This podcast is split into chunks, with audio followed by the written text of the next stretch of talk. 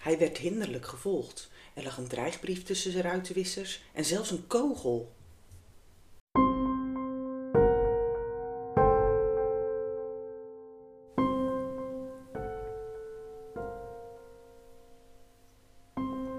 Welkom bij weer een nieuwe aflevering van Potcrime aan Zee. De podcast waarin we tragische gebeurtenissen bespreken. De verhalen worden verteld door Jessica. En eh, don't shoot the messenger, alle informatie is namelijk van het internet gehaald. De foto's die bij deze aflevering horen kun je vinden op Instagram. Potcrime, aan, zee. Wil je een seintje ontvangen wanneer er een nieuwe aflevering online staat? Druk dan op volgen. En vergeet Potcrime aan Zee ook niet te liken. Warning, de verhalen kunnen als schokkend worden ervaren.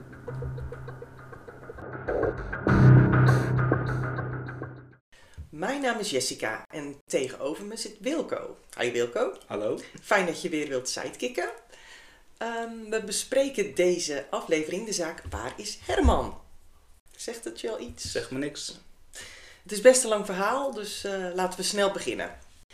In IJzendijken, een plaatsje in Zeeuws-Vlaanderen, met toen de tijd zo'n 2000 inwoners, begon Herman Ploegstra op 26 oktober 2010 na een kort dutje op de bank met koken. Rond 6 uur eet hij samen met zijn vrouw Sandra en dochter Anouk. Daarna zet hij zijn koelbox klaar voor de volgende werkdag. Om kwart over zeven vertrok hij naar de sportschool. En na het sporten zou hij nog een vuilcontainer bij de brandweer buiten zetten en naar huis komen. Maar Dat gebeurde niet. ja, om kwart over elf is hij er nog steeds niet. Nou, stel je voor, je sport een uurtje en eh, het is ongeveer een kwartier rijden van Breskes naar IJzendijken. Nog even een vuilcontainer buiten zetten, wellicht kom je iemand tegen. Zou je toch zo rond 9 uur thuis moeten zijn? Zeker. Sandra kan hem niet bereiken, want de enige telefoon die Herman gebruikt is zijn werktelefoon die hij s'avonds altijd uit had staan. We zitten nu in 2010, tegenwoordig is het natuurlijk wel wat anders, maar Ja. eh, een kwartier later rijdt met hoge snelheid de vriend van Herman, Gerard Tollenaar, op de Duivelshoekse weg bij Breskens. Hij was gebeld door Sandra, want die was zo ongerust omdat Herman natuurlijk al twee uur te laat is. Tollenaar rijdt de route die Herman moet hebben gereden, maar dan omgekeerd. Dus hij start in IJzerdijken en dan rijdt hij naar Breskens. Op een kilometer afstand van Hermans sportschool bij een terrein van het waterschap vindt Gerard de auto van Herman. Een zilvergrijze BMW X5. Hij stond slordig geparkeerd alsof hij tot stilstand werd gemaand. Er zijn geen rem- of slipsporen te zien, maar het bandenspoor staat wel in de berm. De auto is over twee terugverende bermpaaltjes gereden. En de sleutels zitten nog in het contact en de deuren zijn niet vergrendeld. Opmerkelijk is dat de automatische versnelling niet in de parkeerstand staat, maar op drive. Links naast de auto ligt de portemonnee van Herman en zijn pieper van de brandweer lag ook op straat. Herman had altijd een busje traangas in het vak van zijn portier liggen en deze lag nu samen met een etui voor een mobiele telefoon op de mat onder het stuur. Het dashboardkastje staat ook open. Het lijkt erop dat er iets uit het kastje is gepakt, omdat het onderhoudsboekje scheef op het deurtje lag. Nou, als jij dit zo zou aantreffen, wat gaat er dan als eerste door je heen? Ja, een soort van overval, maar het portemonnee ligt er. Ik weet niet of die vol staat nog. Het geld was eruit. Ja, oké. Dus het zou kunnen op een overval. Ja. Gerard vindt dit allemaal zo verdacht en hij besluit in zijn auto Hans Himschoot, ook een collega van de brandweer en een vriend van Herman, te bellen. Gelukkig arriveert Hans snel, want Gerard vindt het nogal beangstigend. Samen doorzoeken ze de omgeving, maar ze kunnen Herman nergens vinden. Even na middernacht komen dan ook de politie en de brandweer ter plaatse. De omgeving wordt onderzocht, onder meer door een warmtebeeldcamera. Als er dan ergens een lichaam ligt of er loopt iemand, dan geeft het apparaat dat aan. En tijdens de nachtelijke zoektocht wordt Herman niet gevonden. Lijkt op een ontvoering. Ja, of, of Dat is, ja, misschien eh schulden of eh, iets. kan ook nog. Even opgewacht. Ja, de auto. De auto stond in de drijf, dus die is gewoon eh, overvallen. Ja, ja tijdens een, eh, iemand op de, midden op de weg. ja. Misschien, ja. Ja. De auto wordt weggesleept voor verder onderzoek. En de volgende dag wordt deze onder fel kunstlicht bekeken. Er zit op vijf verschillende plekken bloed. Op de handgreep van de binnenzijde van het bestuurdersportier op het voorste deel van de bestuurdersstoel, op het stuur, op de beschermkap van de autogordel aan de bestuurderskant en op de middenconsole bij de automatische versnelling. Ja, dit zijn toch wel zorgwekkende ontdekkingen. Normaliter zou er een groot rechercheteam op worden gezet, maar Zeeuws-Vlaanderen doet dat niet. De politie is ervan overtuigd dat Herman zelf een einde aan zijn leven heeft gemaakt of vrijwillig is verdwenen. Maar bloedsporen? Ja, het zou kunnen. eh, Was die auto beschadigd? Heeft hij geen ongeluk gehad? Uh, nee. Dat hoor je ook wel eens dat mensen Ja. een ongeluk even wat hebben gedronken te veel, weg willen wezen, dat ze even verdwijnen. ja, dat zou ook kunnen dat hij eh, dacht, anders dan krijg ik een boete eh, of ben ik mijn rijbewijs Ja. kwijt. Zou kunnen, ja.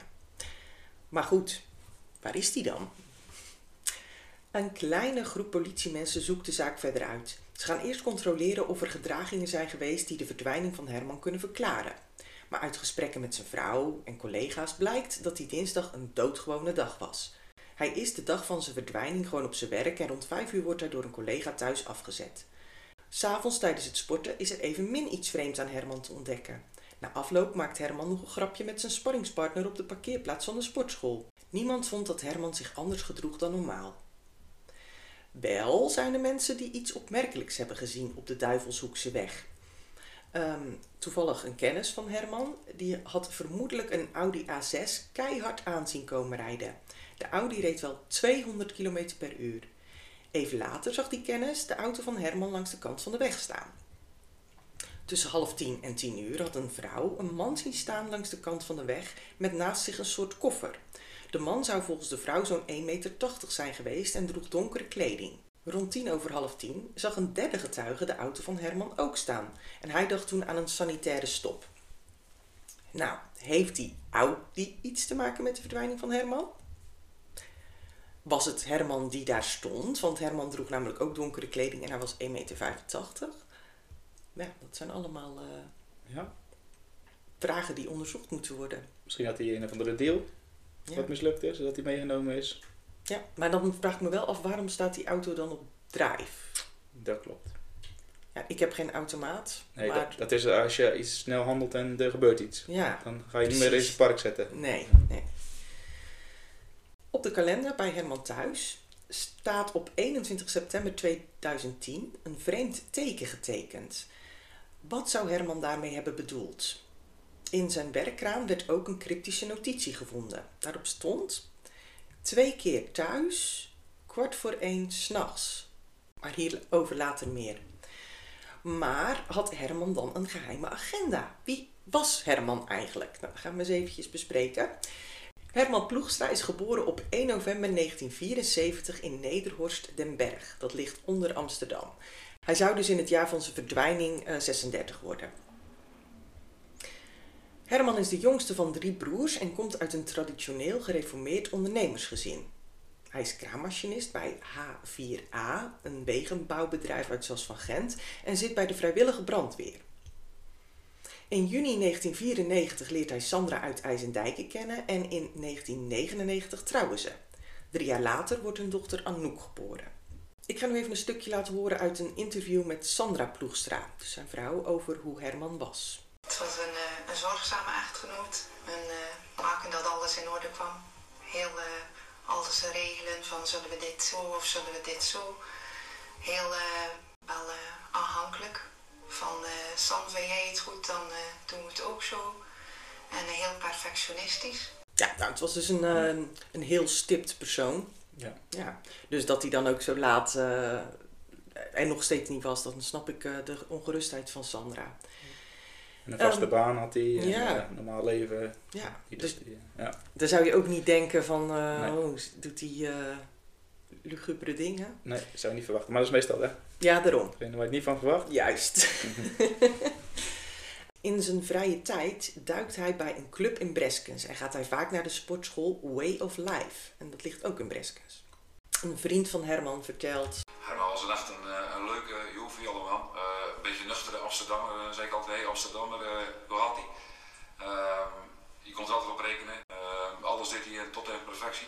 Ehm, bij de brandweer uitdrukken, alles moest eh, perfect zijn. Zo ook het materieel, zo ook zijn thuis.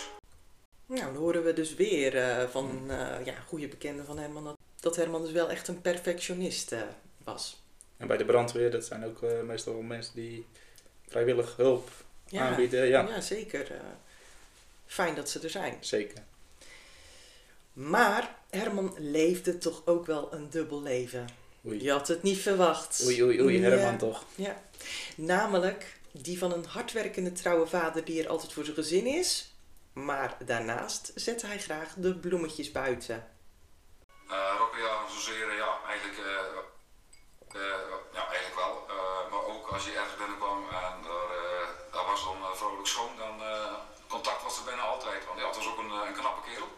Dus ja, die had ook veel bekijks natuurlijk. En dat vond hij zelf ook wel eh, prettig. Dus Oké. een, eh, wel een dubbel leven, niet zoals wij dachten met, eh, in het drugscircuit. Ja. Maar de, ja, hij zet dus de bloemetjes buiten. Op het moment van zijn verdwijning heeft Herman ook een maîtresse waarmee hij iedere week afspreekt op een parkeerplaats. Zou die natuurlijk ook eh, die twee uur eh, bij kunnen zijn geweest. Jaloerse vriend misschien. Wellicht. In de jaren voor zijn verdwijning heeft Herman meerdere buitenechtelijke relaties. Sandra werd er wel mee geconfronteerd, maar ze geloofde Herman op zijn woord. Voor zijn verdwijning slikte Herman pillen tegen een te hoge bloeddruk en had medicatie voor een infectie aan zijn voet. Hij ziet er wat opgeblazen uit en het lijkt alsof hij ergens over zit te tobben. Tijdens het avondeten was hij vaak, ja, dan zag je in zijn oogblikken dat er iets was. En dan vroeg ik ook van, wat is er dan, her? Ja, jij had het met, wat is er? Er is helemaal niks. En in de laatste week is hij ook s'nachts zo schuilend wakker geworden. En toen zei ik van, je bent aan het huilen? Nee, dat is geen waar. En dan s'morgens heb, heb ik het hem nog eens gevraagd. Ik zei, je bent huilend wakker. Ja, dat was helemaal geen waar, zei hij. Dat heb je wel gedroomd. Misschien is die bedreigd of afgeperst. Ja, dat zou heel goed kunnen. Ja. Want ja, waarom ben je anders eh, bang? Ja. Ja. Huilend wakker, Als ja. je niks te verbergen hebt, dan kan Ja. meestal wel gerust slapen. En dat hij dan zegt, dat heb je gedroomd, dat is net als eh, Ja. snurken op de bank. Je snurkt. Nee, je snurkt helemaal niet. Klopt. Ja, je snurkt toch. Ja, ja, zoiets. Ja. Je huilt. Nee, ik huil helemaal niet. Je hebt toch gehuild. Daarnaast heeft Herman het een aantal keer over zijn eigen dood gehad. Een keer zei hij, ik word 36, maar ik zal altijd 35 blijven. Dat je beziend bent, ja. Ja. Wanneer er bij de brandweer personeelsfoto's worden gemaakt, zegt Herman dat die foto wel mooi is voor op zijn kist. Kijk, eh, zulke soort grapjes kan je natuurlijk maken, maar in dit geval is het wel heel eh, toevallig. Misschien heeft hij een doodsbedreiging gehad en neemt hij het nog niet heel serieus. En maakt hij daarom een grapje ervan. Zou kunnen. En als Herman een nieuwe kraan wordt aangeboden, dat zou nog een paar jaar duren, dan zegt hij: Ik weet niet of ik dat nog mee ga maken. In de werkbus van Herman werd een notitieblok gevonden. De blaadjes waar iets op geschreven stond waren eruit, maar op het lege blad stond een afdruk. En om te kijken of die brief door Herman was geschreven, is deze onderzocht door het NFI. En daarop stond. Het is een beetje vaag, maar na al die tijd ben ik vorige week achter je karakter gekomen. Ik geef om je, maar niet op zo'n manier. Nu wordt de tijd alleen zoeken en kan geen kant op. En jij wordt koppiger. Zo gaat het niet. En een ander gaat nou. En dan nog. Dat is de brief. Oké. De politie vermoedde een afscheidsbrief. Maar iedereen zegt dat hij een levensgenieter was en daar niet toe in staat was. En daarnaast was er ook nergens een afscheidsbrief gevonden. Een zelfmoord lijkt dus onlogisch, zeker gezien wat er allemaal gevonden is bij de auto. Of beter gezegd, wat er niet is gevonden. Want zijn lichaam is nooit gevonden. Nou, daar kom ik later nog op terug. Tegen zijn broer heeft hij wel eens gezegd dat hij naar Aruba zou willen verhuizen. Maar Herman heeft geen geld opgenomen. Zijn paspoort was thuis, zijn rijbewijs lag in zijn portemonnee en in de kraan werd nog geld gevonden. Daarnaast zou hij zijn dochter nooit achterlaten. Deze gedachte wordt dus ook van de baan geschoven. Dat, kan iedereen wel eens eh, zeggen. Hè? Van, eh, ik zou wel daar willen wonen of daar eh, dromen mag. Ja. Met dat bloed erbij en geen lichaam, dan is Ja. het niet echt aannemelijk. Nee. Maar daar komt hij. Herman die heeft wel eens bij vrienden en familie melding gemaakt van bedreigingen. Hij werd hinderlijk gevolgd. En er lag een dreigbrief tussen zijn ruitenwissers. En zelfs een kogel. Ook kreeg hij eens klappen van een onbekende tijdens het uitgaan. En alle vier de banden van zijn werkbus zijn ook eens lek gestoken. Dus ja, hij werd wel degelijk eigenlijk bedreigd, eh, als je dit moet geloven. Alleen niemand heeft het met eigen ogen gezien en Herman heeft ook nooit aangifte gedaan. Maar goed, wie zou dat dan hebben gedaan? Wie zou dat toch zijn? Hij had geen schulden en uit niets blijkt dat hij actief was in het criminele circuit. Ja, dat hebben ze dus wel goed onderzocht. Ja. Ik denk toch van een minnares een, eh, een vriend of zo die erachter is gekomen. Ja, dat, dat, ja, Zoiets lijkt het dan op. Precies, Ja. dat denk ik dus ook eh, heel sterk aan. Wel had Herman jaren voor zijn verdwijning veel scharrels. Hij kreeg daarom ook de bijnaam Herman Poepstra. Nou moet je niet denken aan ontlasting, maar aan het Vlaamse woord poepen, wat geslachtsgemeenschap betekent. Niet iedereen vond dit lachwekkend. Een aantal mensen kon door zijn overspelige gedrag zijn bloed wel drinken. De recherche onderzoekt daarom of zijn liefdesleven mogelijk iets te maken heeft met zijn verdwijning. Ja, dat eh, maakt dus dat we aangekomen zijn bij de verdachte, want er zijn er een eh, paar. Oké. In de zomer van 2009 leert Herman een kapster uit de Neuzen op een bedrijfsfeestje kennen. Haar naam is Suzanne. Suzanne was geen collega, maar de locatie van de ontmoeting zegt het al. Suzanne was getrouwd met een collega van Herman, namelijk met Han. Herman en Suzanne doen er alles aan om het voor hun echtgenoten geheim te houden. Herman koopt zelfs een aparte telefoon, zodat ze elkaar stiekem kunnen spreken. Zijn brandweercollega's noemen deze telefoon de poeptelefoon. Hij bewaart deze in zijn kraan, in zijn werkbus of ergens in zijn garage. Herman en Suzanne zien elkaar meerdere keren per week op een parkeerplaats. Herman vertelt dan thuis dat hij aan het sporten of aan het duiken is. En Sandra heeft daarom niks door. Maar Han vermoedt wel iets. Dus Suzanne eh, was minder goed in het geheim houden. Eh, hij controleert daarom in oktober 2009 de sms-berichten van Suzanne en één sms'je valt hem op. Deze wordt namelijk afgesloten met ik hou van je, ook al zit je in Milaan. Nou, bij Han gaan dus alle alarmbellen rinkelen. Hij besluit daarom de belhistorie op te vragen. En er blijkt extreem vaak naar de afzender van het sms'je te zijn gebeld. Maar ook naar een telefoonnummer dat Han herkent als werktelefoon. Hij ziet dat de telefoontjes vaak zijn gepleegd als Han net van huis is om te gaan werken. Han besluit om het nummer te bellen en als er wordt opgenomen, hoort Han dan toch wel een heel bekende stem, namelijk de stem van zijn collega Herman. Han besluit ook een prepaid-telefoon te kopen en stuurt eind november 2009 een sms naar Sandra. Hij doet of hij een goede vriendin van Sandra is en hij stuurt: Beste Sandra, we zijn nu al jaren vriendinnen, maar dit kan ik echt niet voor me houden, ook al zal ik later de gebeten hond wel zijn. Ik weet dat Herman een relatie, een verhouding heeft met die kapster uit de neuzen. Haar man weet ervan. Doe geen domme dingen. Ik bel je nog wel. Nou, als jij Sandra zou zijn en je krijgt zo'n eh, sms'je, dan denk je toch ook van, oké, we zijn al jaren vriendinnen. Waarom kan je dat niet gewoon recht in mijn gezicht zeggen? Klopt. En ja, Ja, lastig, lastig. precies. En zeker omdat Sandra altijd eh, Herman eh, gelooft. Ja. Ja, dan ga je nu ook denken van iemand probeert weer, eh, te stoken. ja, inderdaad Herman zwart te maken. Ja, maar ik zou het wel eventjes goed nagaan of Ja, in ieder geval iets in de gaten proberen te krijgen. Of een beetje... ja misschien is Sandra wat naïef. Want ze kon dit dus ook niet geloven omdat ze hem beide kenden en ze zijn wel eens samen met elkaar weg geweest. Herman ontkende uiteraard. Hij krijgt daarom het voordeel van de twijfel. In januari 2010 gaan Suzanne en Han wel uit elkaar. Suzanne wil dan vol voor Herman gaan, maar de relatie vertoont steeds vaker spanningen. Enkele weken voor de verdwijning van Herman wordt er midden in de nacht naar de huistelefoon gebeld. Als Herman opneemt, wordt hij uitgescholden voor hoerenloper. Herman hangt direct op, maar om kwart voor één wordt er weer gebeld. Nu wordt er tegen Herman met een dubbele tong gezegd dat hij zijn kop van zijn romp zal slaan. Uiteraard herkent Herman de stem onmiddellijk. Het is namelijk die van Han, die inmiddels al tien maanden gescheiden is van Suzanne en ondertussen ook al een nieuwe vriendin heeft.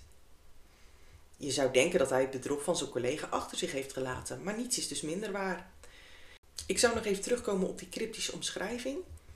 Dat is dus de datum geweest en de tijdstippen dat Han Herman in de nacht heeft gebeld. Hè, twee keer om kwart voor eh, één s'nachts. Herman die wilde daarmee naar de leidinggevende stappen. Zou het Han zo hoog hebben gezeten om Herman daadwerkelijk iets aan te doen? Suzanne zegt daarover dat het Han enorm dwars heeft gezeten. Maar ja, dat is logisch. Over haar relatie met Herman zegt ze dat hij verliefder op haar was dan zij op hem. Ze wist dat hij toch bij Sandra zou blijven. Dan kom ik nu terug op de zogenaamde afscheidsbrief die Herman had geschreven op het notitieblok, wat door het NFI werd onderzocht. Ja. Dat was waarschijnlijk een afscheidsbrief aan Suzanne. Hij wilde namelijk de relatie beëindigen. Suzanne is ervan overtuigd dat Herman een aantal foto's van haar in zijn kraam had. Echter waren deze samen met de poeptelefoon verdwenen. Oké. Ja. Han heeft voor de avond voor de moord wel een alibi. Hij sliep namelijk die nacht bij zijn nieuwe vriendin. Ja, ik vind dat nooit zulke sterke alibis. Ja, Klopt. Als je het eh, dan aan, degene- aan je partner vraagt, precies. Misschien die moeten dek we je nu... toch wel in. Dus Ja. Misschien moeten we nu eh, zoveel jaren later nog eens Ja. even bij die nieuwe vriendin nagaan. ja. Of misschien heeft ze ook echt niks gehoord, hè, dat hij eh er wel sliep, maar even naar beneden ging. Of dat hij dat wel vaker doet. Ja, dat kan ook. Ja. En als je verder slaapt, weet je niks. Ja, maar het is ook wel opmerkelijk dat die telefoon en die foto's weg zijn. Dan ga je toch wel weer een beetje uit van de relationele sfeer. Ja. Want als, als, je- als het drugsgerelateerd is, waarom zou je dan foto's van een vrouw uit de kraan halen? Ja. Ja, of hij heeft het zelf gedaan. Dan hebben we nog Prudent Buik, de schoonvader van Herman. Dus de vader van Sandra. Uit de portemonnee van Herman, had ik al verteld, hè, was er papiergeld verdwenen en ook een bankpas. Maar er zat wel iets anders in die portemonnee. Namelijk twee krantenknipsels die eh, te maken hadden met een geweldsdelict uit 2007. Het gaat over een uit de hand gelopen ruzie in de privésfeer waarbij Herman door zijn eigen schoonvader, Prudent Buik, was belaagd. In Hermans werkkraan ligt een aangifte die Herman destijds tegen zijn schoonvader deed. Waarom zou Herman deze dingen zo goed bewaren? Waarom heeft hij hem mishandeld? Ja, daar gaan we nu eh, Ja. daar gaan we het even over hebben. Het overspelige gedrag van Herman heeft ertoe geleid dat Prudent zijn schoonzoon wel kon schieten. Dus Prudent die ehm, Wist er ook van. Ja, die trapte er niet in. Al zegt hij later in een interview dat hij er niks van wist. Maar ja. Prudence staat bekend als een goede vent, maar zijn drankgebruik leidt geregeld tot conflicten. Dus ook met Herman. Op nieuwjaarsdag 2007 treft Prudent na ruzie zijn vrouw niet thuis aan. Hij vermoedt dat ze bij hun dochter Sandra en haar man, Herman dus, zit ondergedoken. Hij belt daarop Herman en dreigt dat hij samen met een paar man aan de deur komt om hem en Sandra kapot te maken als zijn vrouw niet voor vijf uur thuis is. De moeder van Sandra die kwam dus niet thuis, waarop Prudent een ruit bij het huis van Herman en Sandra intrapt. Hij werkt zich naar binnen en grijpt Herman bij de keel. Sandra en Anouk moeten naar de garage vluchten. Herman heeft een wapen tussen de broekband van Prudent gezien en heeft daarom aangifte gedaan. Bij een huiszoeking werd in het huis van Prudent een .22 revolver en munitie aangetroffen. Prudent ontkende dat hij een wapen bij zich had. Misschien wilde Herman hem een loer draaien door de politie te tippen over de revolver. Prudent moet hiervoor voor de rechter verschijnen. Herman en zijn schoonvader zullen nooit meer samen door één deur kunnen. Herman verdenkt Prudent ook van de eerder genoemde bedreigingen. Sandra sluit niet uit dat haar vader iemand heeft ingehuurd om Herman aan te pakken. En de vrouw van Prudent, Paula, verdenkt ook direct haar man. Hij zou eens in een dronken bui hebben gezegd dat hij het niet zelf zou doen, want hij heeft eh, genoeg geld. Maar Prudent reageerde naar zijn vrouw: Wat denk je wel? Hij werd verhoord, maar zegt beslist niks met de verdwijning te maken te hebben en heeft daarbij een alibi. Hij was namelijk bij Paula. Weer zo'n eh, sterke alibi. Ja. Prudent is in 2016 overleden. In de rouwadvertentie stond Herman naast Sandra met een hartje bij zijn naam. De politie heeft niet onderzocht of Prudent iemand heeft ingehuurd. Prudent kent wat loesje types en daar gaan we nu even op in. Oké. Het gaat namelijk om een ex-collega van Prudent met een opmerkelijk strafblad, Mario T. Hij zou bekend staan als gewapend en fysiek gewelddadig. Hij heeft in België jarenlang als uitsmijter gewerkt bij een discotheek, waar hij ooit oud-judo-kampioen John Heiboer het ziekenhuis insloeg. Wat ik hierbij extreem opvallend vind, en dat heb ik altijd gevonden, is dat dus John Heiboer ook jaren vermist is. Oké. Vermoedelijk heeft zijn verdwijning te maken met het criminele circuit, dus bij John wel degelijk. Mm. Wat ook heel toevallig is, Ja. is dat John in 1996 ook een kortstondige relatie van zo'n drie maanden heeft gehad met Suzanne, de minnares van Herman. Kleine wereld. Zeg dat wel. Zo. Ja, ik vind dat gewoon heel verdacht. Twee minnaars van Suzanne en ze zijn beide op raadselachtige wijze verdwenen. Ja. Maar John verdween in 2005 en toen was Suzanne al zes jaar getrouwd. Dus het zou wel een beetje vreemd zijn om na zo'n lange tijd nog wraak te nemen.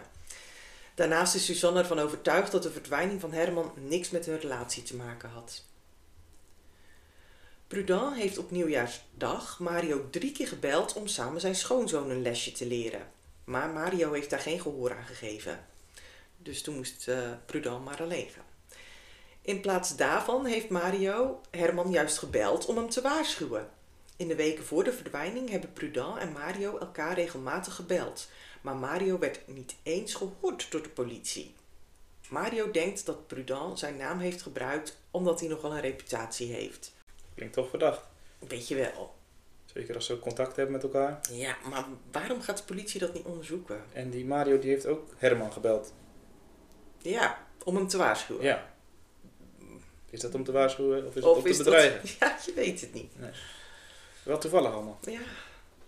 Ja. Het kan, het kan. Eh, de jaren na de verdwijning kwam, kwam de zaak Herman Ploegstra nog een aantal keer onder de aandacht. In het RTL-programma Het Zesde Zintuig op 23 februari 2012 beweren drie paragnosten dat Herman Ploegstra door twee mannen is doodgeschoten. Zijn lichaam zou vervolgens gedumpt zijn in de Westerschelde, vlakbij de vindplaats van de auto. Het motief zou te maken hebben met de vrouw waar Herman een affaire mee had. Ja, ik ben eh, normaal nogal sceptisch over eh paragnosten, maar Ja, het zou kunnen, ja. ja, kijk, dat, dat, dat programma, ze weten echt Mm. niet waar ze zijn of ehm, wat er is gebeurd, hè. Althans, Nee, klopt. dat, Ja. dat hoort zo te zijn. Wel heel En- toevallig dan. Ja, dan komen ze Ja. toch ook op dit uit. De in augustus 2013 aangehouden Grown Shop-eigenaar Evert de C. uit het Zeeuwse IJsendijken is ook in verband gebracht met de verdwijning van Herman. Er zijn getuigen in het dossier Ploegstra die beweren dat Herman contacten zou hebben gehad met de C. Dat staat te lezen in het boek Cold Cases. Een collega eh, van Herman die zegt: Ik heb Herman en Evert jaren geleden samen op de kermis gezien in IJzerdijken. Ik denk dat als je contacten hebt met Evert, je daar volgens mij nooit meer van afkomt. Ook toen eh, John Heijboer vermist werd, was bekend dat hij met Evert omging. Ik kan me herinneren dat de naam van Evert ook wel in de gesprekken genoemd werden door Herman. Volgens de krant Het Laatste Nieuws, die het bericht over de arrestatie van de C publiceerde, is hij door de Nederlandse politie in verband gebracht met twee moorden. Nou, dat zou dus kunnen duiden op de zaken van Herman en John. Eh, John Heijboer zat verwikkeld in een enorme drugzaak, die speelde in het Antwerpse. En de bekende Antwerpse advocaat Paul van der Meulenbroeke was enige tijd verdachte en de Nederlander Martin K. en de Belg Guy de Gres waren hoofdverdachten. Maar goed, dat is weer een heel andere Ja. zaak, dus daar gaan we niet eh, dieper op in. Een andere getuige uit het Ploegstra-dossier zegt: Het viel me op dat Herman een avond erg amicaal optrok met een groep mannen, waaronder Evert en ene Yves. Een kleerkast uit de grensstreek die een eind boven Evert uitsteekt. Hermans vrouw Sandra zegt dat haar man Evert inderdaad kende, maar alleen omdat hij iedereen kende die wel eens in het plaatselijke café kwam. Ondanks het feit dat meerdere getuigen de contacten met de Grown Shop-eigenaar noemen, is de C nooit gehoord door de Zeeuwse politie. Oké. Echt niemand is gehoord, lijkt wel. Dus het is eigenlijk wel slecht, toch?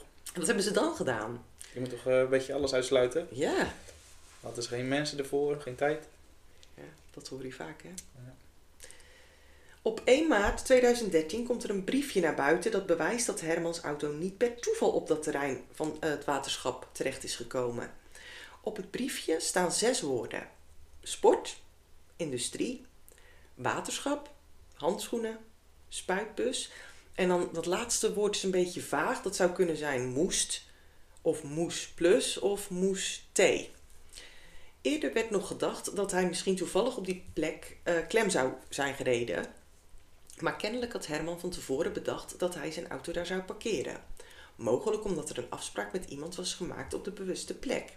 Ook een aantal andere woorden op het briefje lijken verklaarbaar. Sport en handschoenen verwijzen naar de bokstraining die Herman op die avond van zijn verdwijning had. Nou, spuitbus is dan vermoedelijk het busje pepperspray dat in zijn auto is aangetroffen.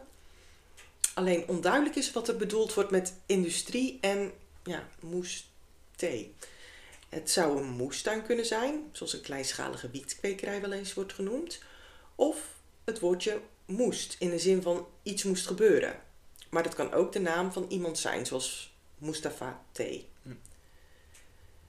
In het programma Vermist wordt op 7 oktober 2014 bekendgemaakt dat er een beloning beschikbaar is gesteld van 30.000 euro voor de gouden tip die leidt tot de oplossing van de verdwijning van Herman Ploegstra.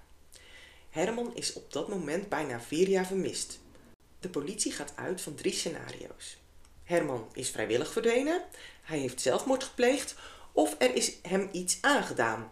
De oproep levert vijf nieuwe tips op en de gouden tip zit er niet bij. Nou, dan uh, vijf jaar later, 2015, gaven speurhonden van Signy Zoekhonden aan dat er een lichaam in de Westerschelde lag. Bij eerdere zoekacties konden de duikers niet goed zoeken door de sterke stroming. Daarom heeft het rechercheteam de hulp ingeschakeld van Defensie en de firma Martens van den Oort, afkorting MVO. Die heeft een duikbus, waardoor de duikers ongehinderd lange tijd door de stroming kunnen duiken. Ook de marine wil mee helpen zoeken. Um, de duikbus die heeft een diameter van 2,8 meter met grote gaten erin. Dus dan kunnen ze erin zitten en door die gaten kunnen ze dan voelen, zien. Zit er zo'n motortje in of zo? Dat beeld heb ik dan gelijk? Nee, het was gewoon een uh, buis ja, ja. die dan neer wordt gelegd op de bodem en dan... Waar je in zit dan? Ja. ja Oké. En gingen ze specifiek naar hem zoeken daar? Of? Ja, ze gingen specifiek naar uh, Herman. Want ja, het kan natuurlijk... Ja, die honden kunnen een lichaam uh, ruiken. Maar dat kan natuurlijk ook heel iemand anders zijn. Maar ze gingen in deze zoektocht echt specifiek naar Herman op zoek. Eerst wordt de locatie bepaald. En dan uh, brengt de kraammachinist die buis naar de juiste plek. Bij het bepalen van de locatie is sonarapparatuur van Signy zoekhonden nodig. Er is namelijk een opmerkelijk silhouet gevonden. De duiker zakt zittend op de duikbuis in het water. Helaas lukte door de hoge waterstand de duikers niet op de bodem te plaatsen. En een paar uur later, bij keertij, kunnen de duikers wel zonder duikbuis zoeken, maar ze vinden helaas niks. Ja, dat is toch weer uh, valse hoop gegeven door uh, een opmerkelijk silhouet. Uh. Ja. ja. Ook niet verder meer gezocht? Zijn ze ja, dat vind ik ook zo bizar. Dan. Als je dan toch beschikt over zo'n duikbuis. Als je materiaal hebt, ja. ja. Je bent er op die locatie. Ja. wordt echt ja. vrij weinig. Uh... En de kraammachinist, was dat hand toevallig? Oh ja, die, die, dacht, oh, ik zet hem een stukje opzij. Ja, toeval bestaat niet, dus alles komt bij elkaar hier. Uh, de dochter van uh, Herman, Anouk, doet op 1 mei 2017 een emotionele oproep in de Telegraaf. Ze is dan 15 jaar oud. Dit keer is misdaadverslaggever John van de Heuvel in de verdwijningszaak gedoken. Ook hij maakt een reconstructie en spreekt met Anouk. Zij vertelt dat ze haar vader heel erg mist en dat het ondraaglijk is om niet te weten wat er met hem is gebeurd. De beloning voor de gouden tip is dan inmiddels teruggebracht naar 15.000 euro. Ik kan me echt heel goed voorstellen dat je dan echt. Ja, wat is er toch gebeurd? Waar is ja. die? Dat, ja, zoveel vragen. In 2018, toen de zaak werd heropend, kwam er veel nieuwe aandacht. Er werden bijeenkomsten georganiseerd met bewoners van IJsendijken. Er is gegraven op verschillende plekken in en rondom IJsendijken, maar daarbij werden geen antwoorden gevonden op de vraag wat er in 2010 met Herman gebeurd is. Bijna acht jaar na de verdwijning van Herman wordt op 19 juni 2018 de cold case van Herman Ploegstra heropend. Het cold case team gaat niet meer uit van een vrijwillige verdwijning van Herman Ploegstra. Och, och. Ook worden een ongeluk en zelfmoord uitgesloten. Er wordt uitgegaan van een misdrijf. Daarbij wordt uitgegaan van drie scenario's. De verdwijning van Herman komt door iemand uit de familie. Het kan een crime passionnel zijn, wat want Herman ging vreemd. of Herman is verdwenen door toedoen van iemand uit het criminele circuit. Er worden getuigen opnieuw gehoord en het forensisch bewijs wordt opnieuw onderzocht met nieuwe technieken. We gaan ook mensen die destijds een tip hadden, maar niet gesproken zijn, alsnog horen, zegt teamleider Ralf Nagelkerken. We gaan tevens de bewoners van IJsendijk om hulp vragen, want ons doel is om Herman te vinden. We willen de zaak oplossen, want we zien daar kansen toe. Tegelijkertijd willen we geen verwachtingspatroon bij de familie leggen. De familie is blij dat we de verdwijningszaak van Herman heropenen. We hopen dat door de reuring de mensen gaan praten, zegt Nagelkerken. Want wij zijn ervan overtuigd dat de oplossing van de verdwijning van Herman in IJsendijken ligt. Direct na de heropening krijgt het team een tiental tips binnen. In het gemeentehuis in Oostburg wordt op 25 juni 2008 een informatieavond gehouden voor de inwoners van IJsendijken. 25 belangstellenden komen daarop af. Broer Jan Ploegstra doet wederom een emotionele oproep. Daar sta je dan. Moeilijk. Namens Sandra, namens Anouk, namens mijn moeder en mijn broertje wil ik jullie bedanken voor jullie komst, aldus Jan. Ik hoop echt dat er antwoorden komen. Iedereen die iets weet, hoe klein ook, meld het. Dank voor uw aandacht. Nadat het Cold Case team op 11 juli 2018 een mobiele telefoon in handen krijgt, die destijds vlak bij de plek werd gevonden, lijkt er een doorbraak te komen. Het zou de poeptelefoon zijn waarmee Herman zijn minnaressen belde. Alleen, het serienummer komt niet overeen met de gegevens eh, die het team heeft. Ja, dat is ook best wel vreemd, toch? Dat je dan pas acht jaar na de gebeurtenis daarmee naar buiten komt. Is echt... Die hebben ze toen pas gevonden. Eh, nou ja, er stond dat destijds werd die vlakbij gevonden. Ja, dan ga je er toch gelijk mee aan de slag. Maar goed, nu hebben ze wel betere technieken en 2010 is toch geen 1950? zo. Nee, Sorry hoor. het is waar. Heel gek. Hm. Ehm, nou, daarnaast wordt de BMW X5 van Ploegstra met moderne technieken technisch en forensisch onderzo- onderzocht. Maar ook dat levert uiteindelijk niets op. Sinds de heropening van de zaak Ploegstra zijn 45 tips binnengekomen en 62 getuigen zijn er gehoord, maar de zaak is nog steeds niet opgelost. Daarom organiseert het Cold Case Team op 29 maart 2019 nog één keer een bijeenkomst voor de inwoners van IJsendijken. Dit keer in IJsendijken zelf. Lijkt me ook best logisch. Waarom moest dat in Oostburg? Maar goed. Officier van Justitie Kim Meijers geeft op de avond uitleg over het onderzoek, samen met Nagelkerken. We hebben zelf ook een aantal getuigen persoonlijk bezocht, vertelt Weijers. Op die manier hoopten wij duidelijk te maken dat een tip of aan de politie of justitie zonder gevolg voor jezelf zijn. We hebben ook veel telefoonlijnen afgeluisterd en er zijn heimelijke geluids- en videoopnames gemaakt op diverse plekken. We hebben gegraven in IJsendijken en niets gevonden, vertelt Nagelkerken. En we hebben bij het gemaal in nummer 1 gezocht, maar er is niets gevonden. Sinds de heropening blijken 60 tips te zijn binnengekomen. De gouden tip zit er niet bij. Ehm, omdat er al langere tijd geen tips meer binnenkomen, ligt de zaak op 30 augustus 2019 stil. De verdwijning van Herman Ploegstra blijft vooralsnog onopgelost. Tenzij er alsnog nieuw bewijs boven water komt of er nieuwe tips binnenkomen bij de politie. Zal de verdwijning van Herman Ploegstra een mysterie blijven? Het is heel bizar. Ja, Waar is die man gebleven? ik denk als het iemand uit de familie was, dan had er misschien toch wel iemand zijn mond voorbij gepraat. Ja, Het is niet dat je het hele dag doet, neem ik aan. Iemand eventjes Nee, eh, laten omleggen. verdwijnen. Eventjes, nee, eh, precies. Ja. Ik vind het lastig, want hè, de, kan een aantal kanten op. Ja. ja. de verdachten die we hier hebben besproken, ja, dat Ja. zou allemaal kunnen, in mijn optiek. Klopt. Alleen ja, als dat niet goed is onderzocht, Nee. en dan kunnen ze dat ja, negen jaar later weer gaan doen, maar dan is, Blijft dezelfde uitkomst, denk ik. ja, en, en ook, je geheugen is dan veel minder, en Ja. ik, ik weet het niet. Je hebt toch ook eh, misdaad anoniem. Als je echte tips hebt, dan kan je Ja. daar altijd naar bellen, toch? Ja, en eh, misschien kunnen ze dat alsnog eh doen. Ja. Laat het hopen voor de familie, want het is wel echt vreselijk als je niet weet. Nee. Kijk, het is vreselijk als er iemand in je omgeving, je naaste, wordt Mm. vermoord. Het is echt afschuwelijk. Maar als je niet weet Ja. wat er is gebeurd, dat lijkt me helemaal. eh, Misschien ooit nog eens op het sterfbed van de dader. Dat hij dan toch nog zegt. ja, wie weet, laten we het eh, hopen. Ja. Het was een lange zaak. Ja, weer aan de overkant. Ja hoor. ik zag pas bij eh, Peter en de Vries. Dan zeiden ze, ja, er gebeurt niet veel aan de overkant hè, in Zeeuws-Vlaanderen. Het gebeurt meestal aan deze kant. Goes, Middelburg, Vlissingen. Nou, ik heb tot nu toe echt... eh, Meer dan de helft. ja, is aan de overkant. Ja. nou, eh, bedankt Nou, graag dat je er weer bij wilde zijn. En eh, tot de volgende. Ja, oké. Doei. Doei.